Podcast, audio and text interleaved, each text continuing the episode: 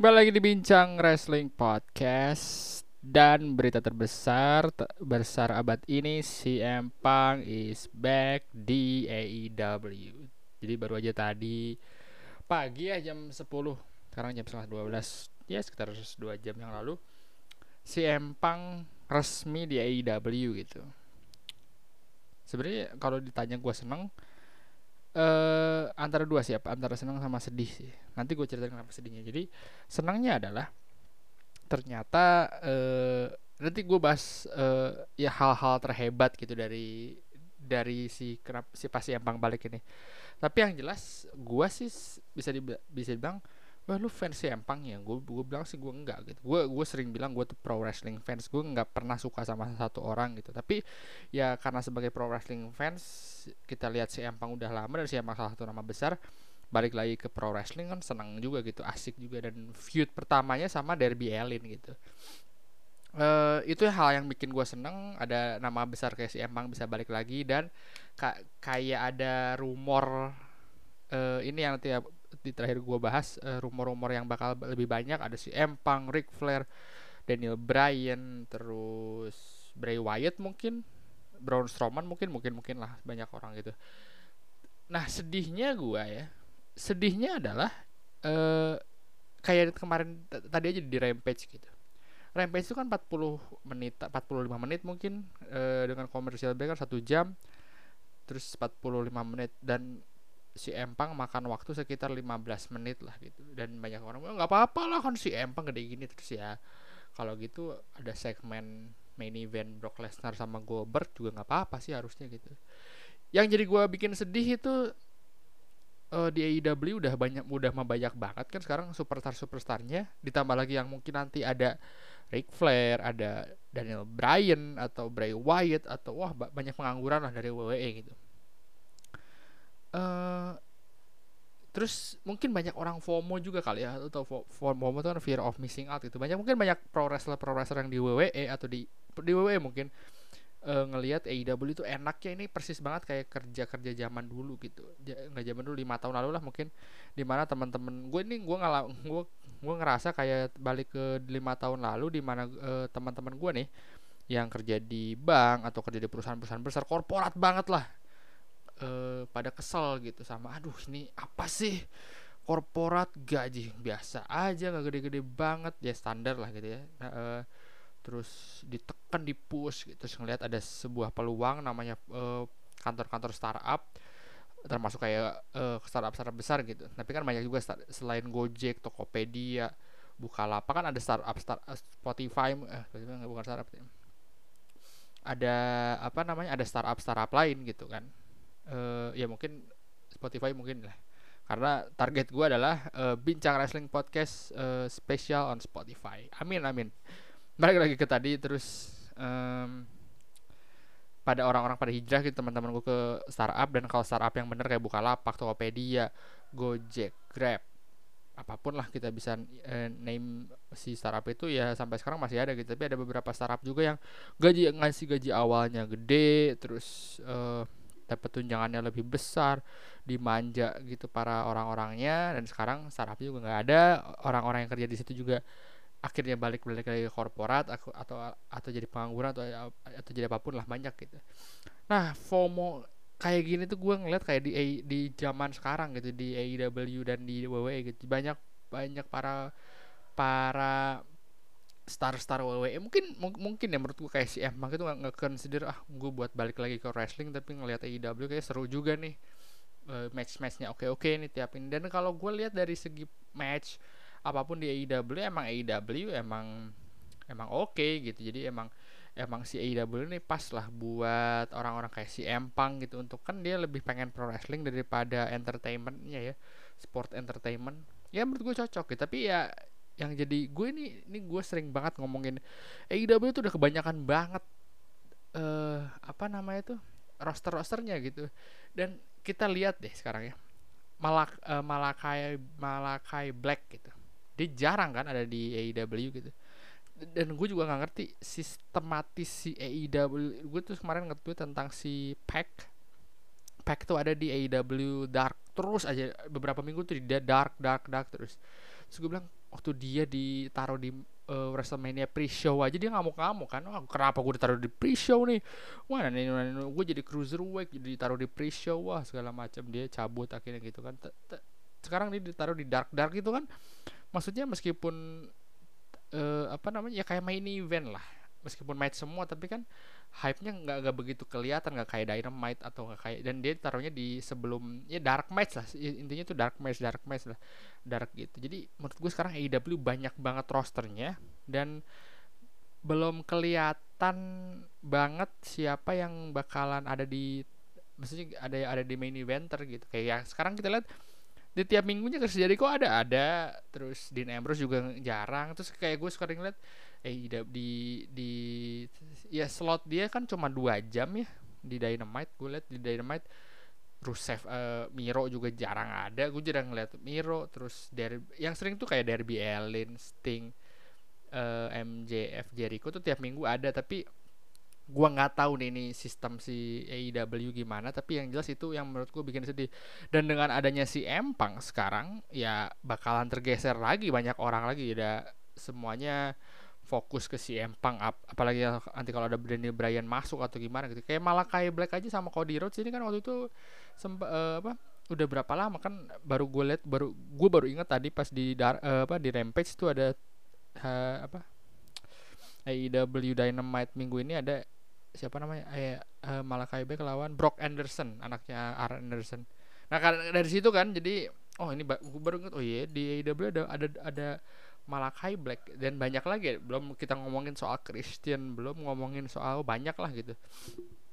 Jadi kalau belum Adam Page yang dihilangin dulu gue nggak ngerti sih sebenarnya ini si si si AEW itu banyak banget. Ya nggak apa-apa sih nggak nggak salah. Cuman kayak kalau banyak ini dan dan mau gimana gitu sistemnya. Lu bisa lu marah-marah. Kalau misalnya para pro wrestler itu marah-marah sama WWE karena nggak dapat nggak dapat time di apa namanya di Raw Smackdown gitu. Nggak dapat peluang ya harusnya IW ngasih itu kan tapi sekarang sama-sama aja jatuhnya gitu.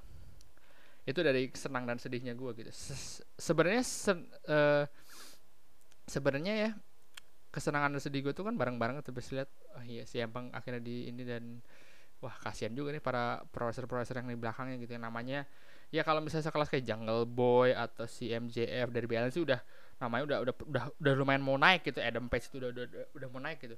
Tapi yang kayak eh uh, anjing gue lupa namanya siapa ya. Gue tuh sekarang profesor kayak banyak pokoknya yang sama Matt Hardy lah. Kayak gitu gitu kan kayak tiap hari eh apa bukan tiap hari tiap minggu masih Orange Cassidy gue baru ingat orang udah lama gue nggak nonton Orange Cassidy ya. Jadi kayak emang nampil nampilnya ya jarang-jarang. Jadi kayak tiap minggu tuh Jericho lagi. Sekarang Jericho time off nih. Tadi di Rampage nggak ada. Kayaknya spotnya buat yang lain. Kayaknya gitu-gitu sih di di di AEW sekarang. Ya tapi mungkin nggak tahu lah ke depannya gitu. Nah terus uh, hal seru lagi yang gua pengen uh, note ya di di si Empang Written di Rampage ini.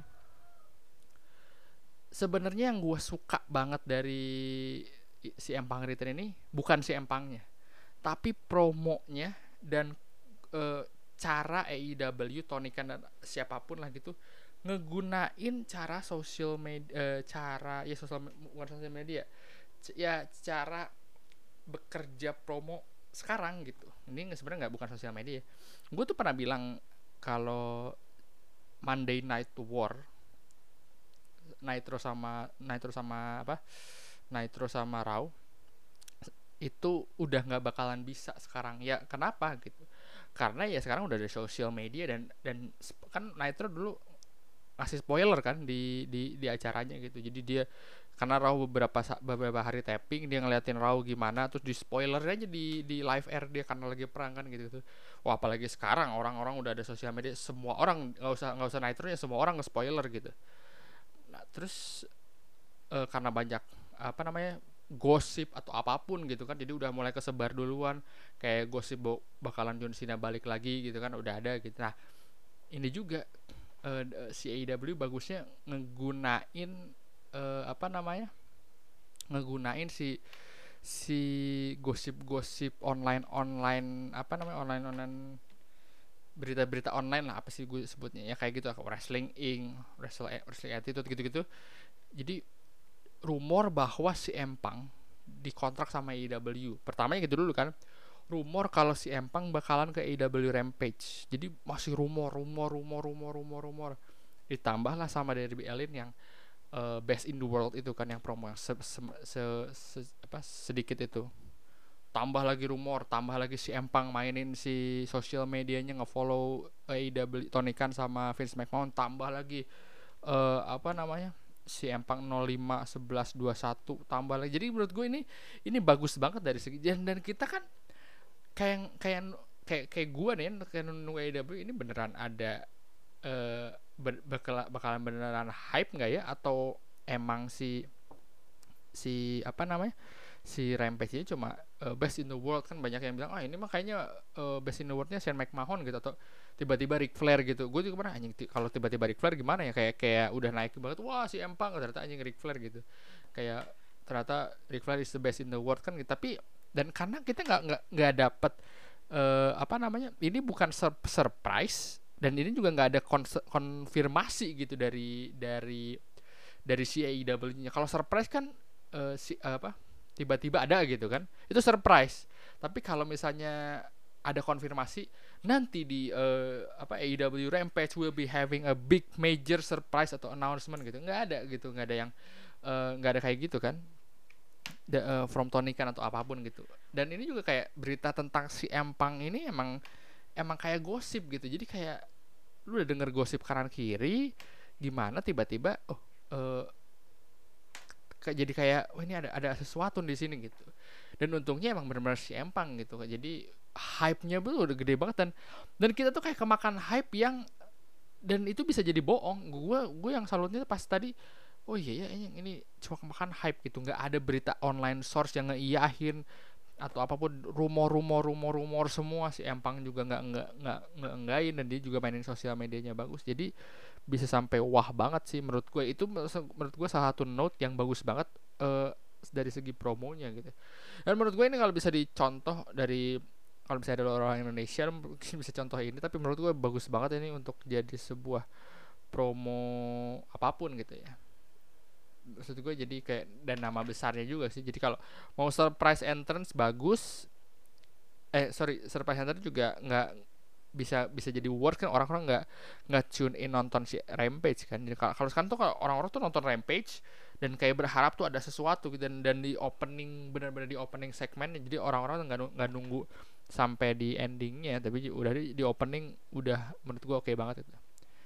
Jadi gitu tentang si Empang Return gue note ada promo apa namanya bukan promo dia ngomong ya jadi uh, uh, promo untuk AEW Rampage live di si dan sampai seatnya sampai nambah kalau nggak salah gue kemarin lihat jadi nambah berapa seat gitu di tadinya kan berapa cuman 15 ribu tapi nambah 500 seat gitu kalau karena saking saking hype-nya banget si AEW Rampage dan saking ada si Empang dan yang yang akhir gue nggak tahu sih emang itu si Cult of Personality itu emang bukan band yang di hire sama WWE ya jadi ya si si Empang makanya itu nggak apa-apa juga dan siap nama si Empangnya juga bukan nama buku, uh, own, owning dari dari WWE gitu uh, jadi besok atau SummerSlam gue nggak tahu hype-nya di SummerSlam besok nih apa mereka tetap ada si empang si empangan karena Batista udah kesel banget kalau di, di ini dan kita tahu dan gue baru ingat tertanya si empang udah lama banget ya dia udah bilang tujuh tahun gitu. Uh, apa attitude era aja nggak sampai tujuh tahun attitude itu sembilan sembilan tujuh lah sembilan tujuh sembilan delapan sembilan sembilan dua ribu dua ribu satu empat tahun doang empat tahun empat tahun lima tahun lah si ini berarti kalau gitu si Ampang tuh udah gede udah udah lama banget kan di ini 2014 sampai 2021 sekarang gitu. Ya gue berharap sih si Ampang uh, bisa ya pertandingan pertamanya nggak tahu pertandingan pertama atau gimana dia lawan Derby Allin all out di Chicago lagi. Dan gue berharap sih sebenarnya AEW memperbanyak mungkin dark dark dan apa namanya dan Rampage tuh bisa nambah screen time ya dan Dark juga nggak jadi cuma match match doang ada ya kayak Raw Smackdown gitulah. Menurut gue yang salah dari AEW pengemasannya tuh rosternya banyak tapi cuma fokus di Dynamite harusnya bisa jadi dua tapi mungkin dia mereka lagi lagi tapi tergolong cepat sih si, AEW dari baru dua tahun ya 2019 sih baru 2 tahun udah dua punya dua screen TV berarti lumayan oke okay lah uh, progresnya. Ya udah gitu dari gue untuk bincang wrestling hari ini